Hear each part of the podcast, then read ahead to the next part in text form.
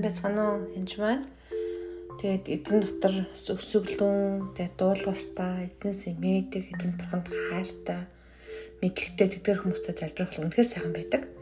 Харин гомдолж байгаа хамгийн юм асуудал нь талын нэг тарцсан тийм хүмүүстэй залбирахтаас амархан байдгүй л те. Яагадгүй хин хүмүүс нь тэдгэр хүмүүс нь хинхтэй ингээд өөртөө ингээд нүдээ боож агаад тэгээд дотроос ингээд сэлэн барьж агаад гэртээ сэлэн бахан эргүүлээд тэгээд гэр орон эсвэл үр хөвгт ч юм бахан хүмүүсээ шахалтуулаа хийсэн байдаг. Тэг шахалтуулчид хин нэг шахалтуулч байгаа шахалсан хүмүүс нь гомдлоо тэгээд гомдлон тэгээд өөртөө бас өөртөө хүлээд үе талганыг тэгсэн байдаг л дээ ерөнхийдөө л тэр ялангуяа иш үзүүлгийн бэлэг авьяастай хүмүүсийн хувьд бол ам хэлээ сайн захирчих хувьд маш чухал байдаг. Хамаараа харах үед өөртөө хүлдэг, үр хөвгтдээ хүлдэг гэр орон эрхтэн нөхөр хүүхдүүдэд хүлдэг, санхугаа хүлдэг ч юм уу. Тийм юмуд маш их болдог. Тэгэхээр хүлээс нь зөвхөн бузар сүнснээс гэсээ илүү таны гомдол, таны ам хэлээр хилэгдэж байгаа хүнээс анхаарах хэрэгтэй. Яа тэгэхээр тоолго 14-29-ыг хараад Израилийн бүх хүүхдүүд Мосын орон нарын эсрэг гомдлож байв. Бүхэл чуулган тэдэнд бид Египтийн нутагт үхцгээсэн ч болоосай. Эсвэл бид энэ зүйлд үхцгээсэн ч болоосай Тийхүүдэд бие биедээ цөмөрөө удирдахчийг томлоод Египт рүү буцацгаая гэж. Тэгээ баг буцлаг гаргахаш гэж. Яг инээсээ болоод эдгээр хүмүүс нэг жил байх газар 40 жил байцсан гэж ихэнх хүмүүс ярьдаг л та. Тэгээ ямар ч лээсэн гэсэн амлагдсан газар руу орч чадахгүй олон 10 жил болсон баг. Тэгэхээр энд гомдлсон харах юм бол бүх чуулган тэдэнд бид Египт нутагт үхцгээсэн ч болоосоо гэж хэлж байгаа. Өөртөө үхцгээсэн ч болоос. Энэ гомдлоосоо болоод бас олон хүн үхцгээсэн байдаг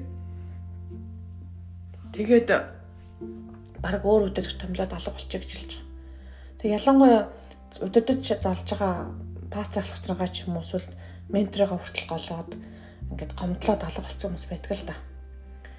Тэг 1-р Коринт 10:10-ыг харъя. Тэдний адил бид дургуутс дургуутсахгүй байцгааж. Тэдний адил бид дургуутсахгүй байцгаая. Учир нь тэдний зарим нь дургуутсад устгагчаар хөнөөгц юм агч тэр дургуутснээсээ болоод гомдсноосоо болоод устгагчаар хөрнөгцсөн юм а гэж.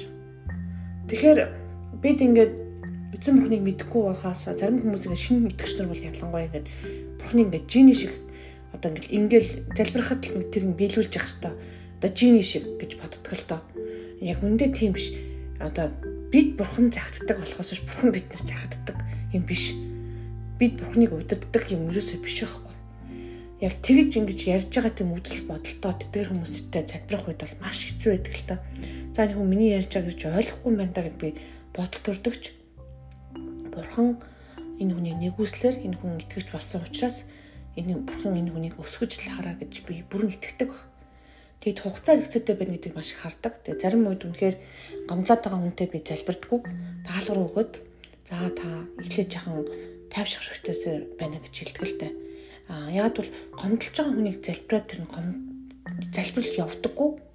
Аа тэгээд заримдаа би олон жил итгэж байсан хүмүүсийг би бүр би ер нь багтаа хүнээс загнадаг бол заримдаа загнадаг та болооч та хам хилээ болооч битийн бүр хүнддэхээ болцсон ч юм тэгээ залбирж байгаа хут босч гарч яваал ингээл тоож байгаа ч юм аа. Бүр ингээд залбирал нь бүр зүгээр ингээд ер нь энгийн зүгээр яриа шиг болцсон залбирахаар тэр нь итгэрдэг, залбирахаар тэр нь чөлөөлөгдөг гэдэг ч ойлголт байхаа болцсон зарим хүмүүс хүртэл байдаг. Ягдгүй маадгүй нөгөө залбирлын юм надиал гэх юм уу да тийм болчихсон. Аа тэгээд энийг намайг залбирахад ч юм уу намайг хэлэхэд тэр нь биелээ олно гэдгийг ерөөс итгэхээ болцсон. Аа тийм хүмүүс баг. Тэгэхээр яг тэр тэрнээсээ болоод өөрөө бахан хамаараа хараачиж байгаа.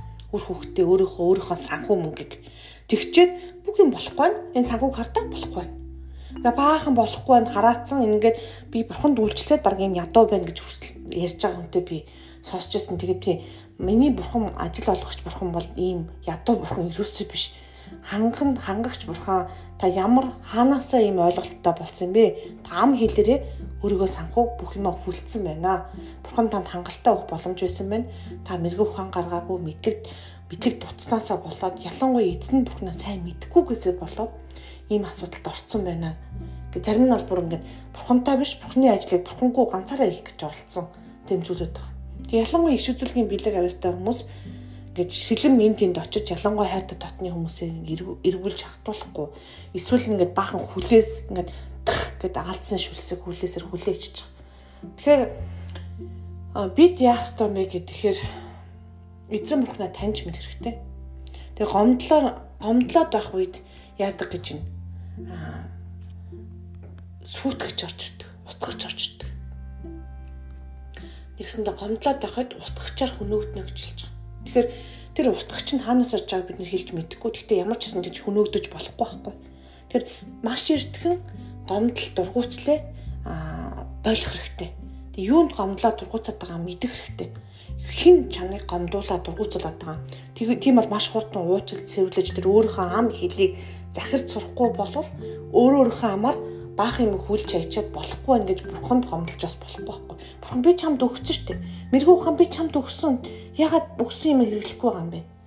Гэхдээ тийм надад өгөөч гэв. Тэгэхээр бид нар бурханаас авралыг дахин дахин гуйдаггүй өстэй нэг удаа гуйхтал аврагдсан гэдгийг мэддэг. Иесусыг хүлээж авсан гэдгийг мэддэг. Түүнтэй адилхан ихэнх зүйлүүдийг бурхан гуйх чимэр гуйхаас ч өмнө өгсөн байдаг баг. Тэрийг олж харахгүйгээсээ болоод гоншгоноод байдаг. Тэгэхээр нүдэ нэгээд сайн харах хэрэгтэй. Эцэн тамаа таныг юугаар хангасан юм? Талархлаар гомдлыг талартаар солих хэрэгтэй. Тэгэхгүй бол таны залбирлж явахгүй бүхнээ хүндэтгэх хүндэтгэлж байхгүй тийм хачин байдалд орчиж байгаа. Тийм учраас та яг одоо хэрвээ гомдолж байсан бол гомдолж байсан бол гомдлоо орж исэн бүх үе талхыг хааж эзэн мэд бид өнөхөр танд гомдохгүй та хангагч нь би танд бүрэн найдаж итгэж байна гэдгийг сайн хүлээж авах хэрэгтэй ойлгох хэрэгтэй Тэгэд үнэхээр бурхан бол үнэхээр гайхамшигтай эзэн бурхан байна. Та бурханыг өдөрддгүү та харин бурханд өдөрдүүлдэг, захиддаг. Тэгээ бурханыг бурхан үнэхээр танд хайртай учраас таныг нэгүслэр энэ бүх зүйл болдог гэдгийг мартчихлахгүй. Үнэхээр өхвөл зохистой тэр гин үглээс харанхугаас биднийг бурхан гэрэлд гаргасан. Бурхан бидний эзэн байгаа.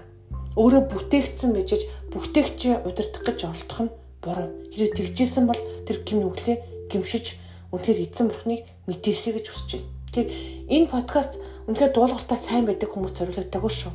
Бид нар нэгэн цагт бид нар хоёр нүр гаргаж ирдэг. Өөрөө мэдгүй хоёр нүр гаргаж ирсэн. Тэр хүмүүс зориуллаа. Тэгээд магадгүй тэр хүмүүс тэрийг сонсохгүй ч гэж магадгүй л дээ. Тэгээд та зөвлөгөө өгөхдөө бас төвчээртэйгээр тэр хүмүүстэй хандараа.